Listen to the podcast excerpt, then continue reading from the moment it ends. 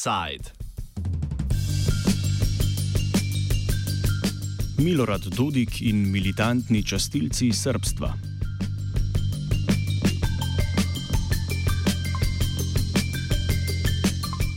Času, ko Banja Luka in Prijedor v Sloveniji zanimanje žanjeta predvsem zaradi spornega posojila stranki SDS, so na oblast v Republiki Srpski za v pravoslavno skupnost prazničnih dneh leteli očitki o sodelovanju s skrajno desno organizacijo Srpska čast. Pripadniki slednje so se udeležili tudi praznovanja neustavnega dneva Republike Srpske, ki so ga na ulicah Banja Luke obeležili 9. januarja. Po razkritih portala Žurnal pa naj bi z njihovo pomočjo nameraval predsednik Republike Srpske Milorad Dodik formirati paravojaško enoto.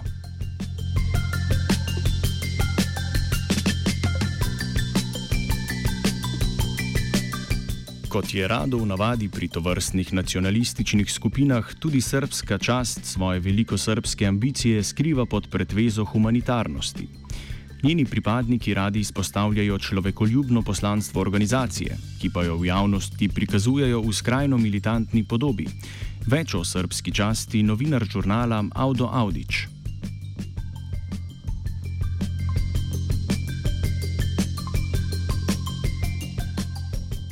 Srpska čast je navodno humanitarna organizacija koja je registrovana u Bosni, u, u Srbiji, u Nišu, e, na čijem čelu se nalazi Dejan Stojković E, i povezana je, u stvari pokušava da poveže e, sve slične organizacije na Balkanu koje su, e, koje su u suštini e, prosrpski, nacionalistički orijentirane. E, radi se dakle o organizaciji koja je prošle godine, 9. januara, kada je Ustavni sud Bosne i Hercegovine zabranio održavanje e, povorke i obilježavanje, referen, e, obilježavanje dana e, Republike Srpske, znači oni su bili u, u svečanom defileu, a ove godine također oni su se pojavili Uh, u Banja Luci u maskirnim odorama zajedno sa svojim kolegama iz Republike Srpske gdje su e, rekli da je garda spremna i gdje su pokušali da e, da, da, da u stvari gdje su odavali počast uh, danu Republike Srpske, a vlasti Republike Srpske uh,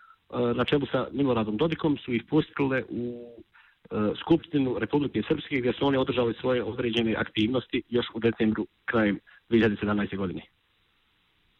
Dakle, radi se o klasičnoj nacionalističkoj grupaciji koja djeluje na području Balkana i koja je povezana direktno sa ruskim organizacijama i sa, sa ruskim e, navodnim humanitarnim organizacijama koje su pravile e, terorističke napade na području Ukrajine.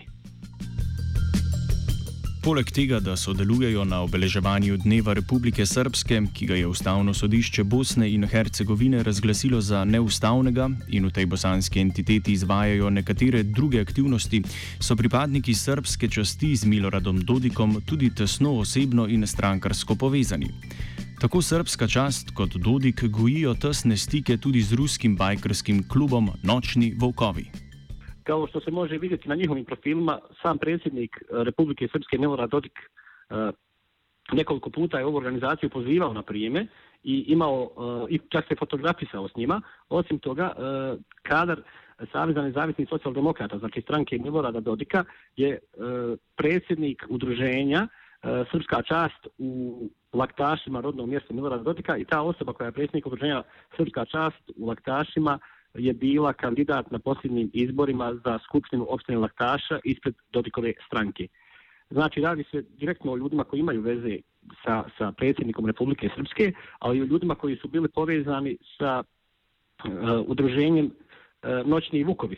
Dakle, radi, e, radi se o moto klubu iz Moskve, e, koji je djelovao na području cijele Evrope i prošle, prošle godine su bili poznati po tome što su Poljaci i neke zemlje Evropske unije zabranile djelovanje na svojoj teritoriji tom moto udruženju. Tom moto udruženju.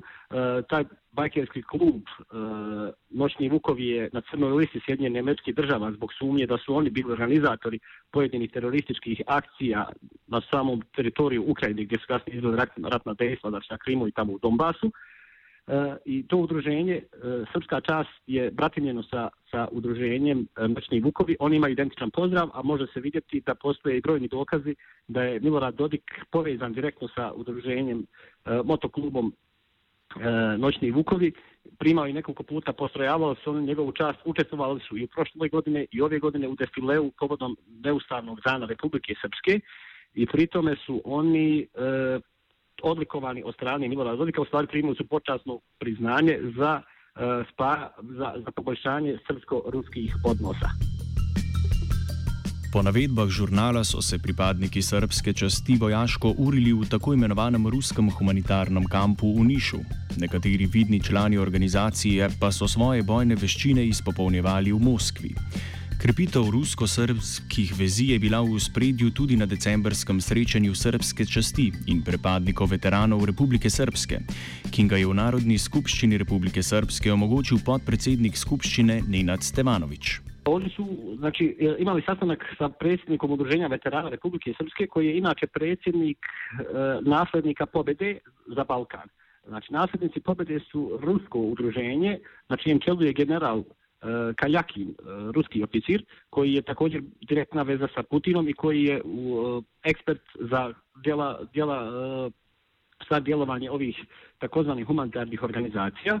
Dakle, i oni su u Banja Luci brat, imali to bratimljenje u samoj e, sali Narodne skupštine Republike Srpske, gdje su, gdje su proglasili predsjednika srpske e, časti za, za počasnog predsjednika e, E, srpske časti u Bosni i Hercegovini i dali su mu odlikovanje.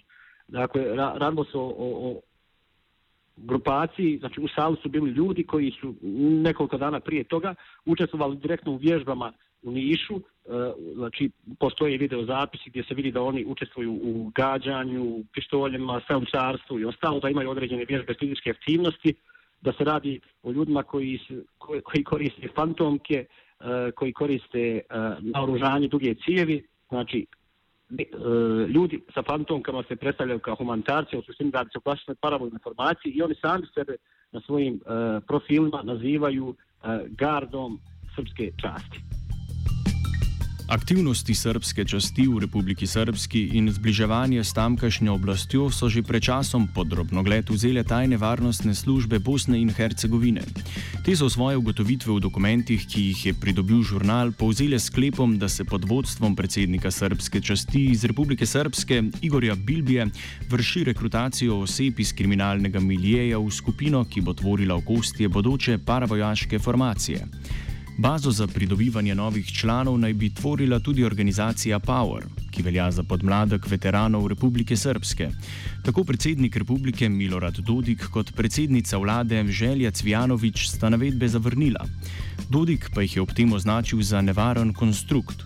Oblasti v Sarajevu pa naj bi zoper delovanje srpske časti v Bosni in Hercegovini oziroma njeni srpski entiteti sprejele prve ukrepe obaveštana služba koja je uspjela da dokumente određene veze, e, uh, oni će e, uh, izvijestiti, to je već ministar najavio sam, on će izvijestiti tužilaštvo Bosne i Hercegovine koje bi trebalo da poduzme konkretne aktivnosti, ali prema nekim informacijama koje ja imam, e, Bosna i Hercegovina će uvest mjere zabrane ulaska pripadnicima srpske časti iz Srbije na teritoriju Bosne i Hercegovine.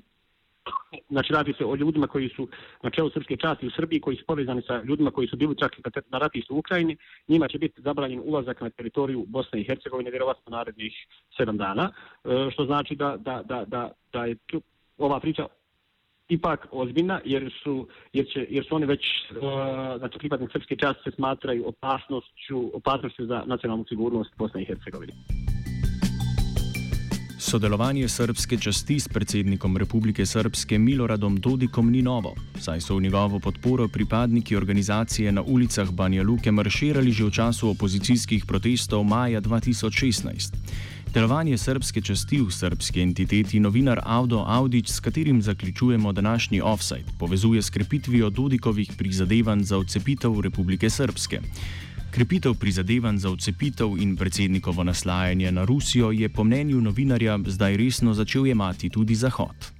Njegove, njegove ambicije ka, ka, ka odcepljenju Republike Srpske već godinama traju. Uh, on svake godine pomira korak naprijed ide ka tome.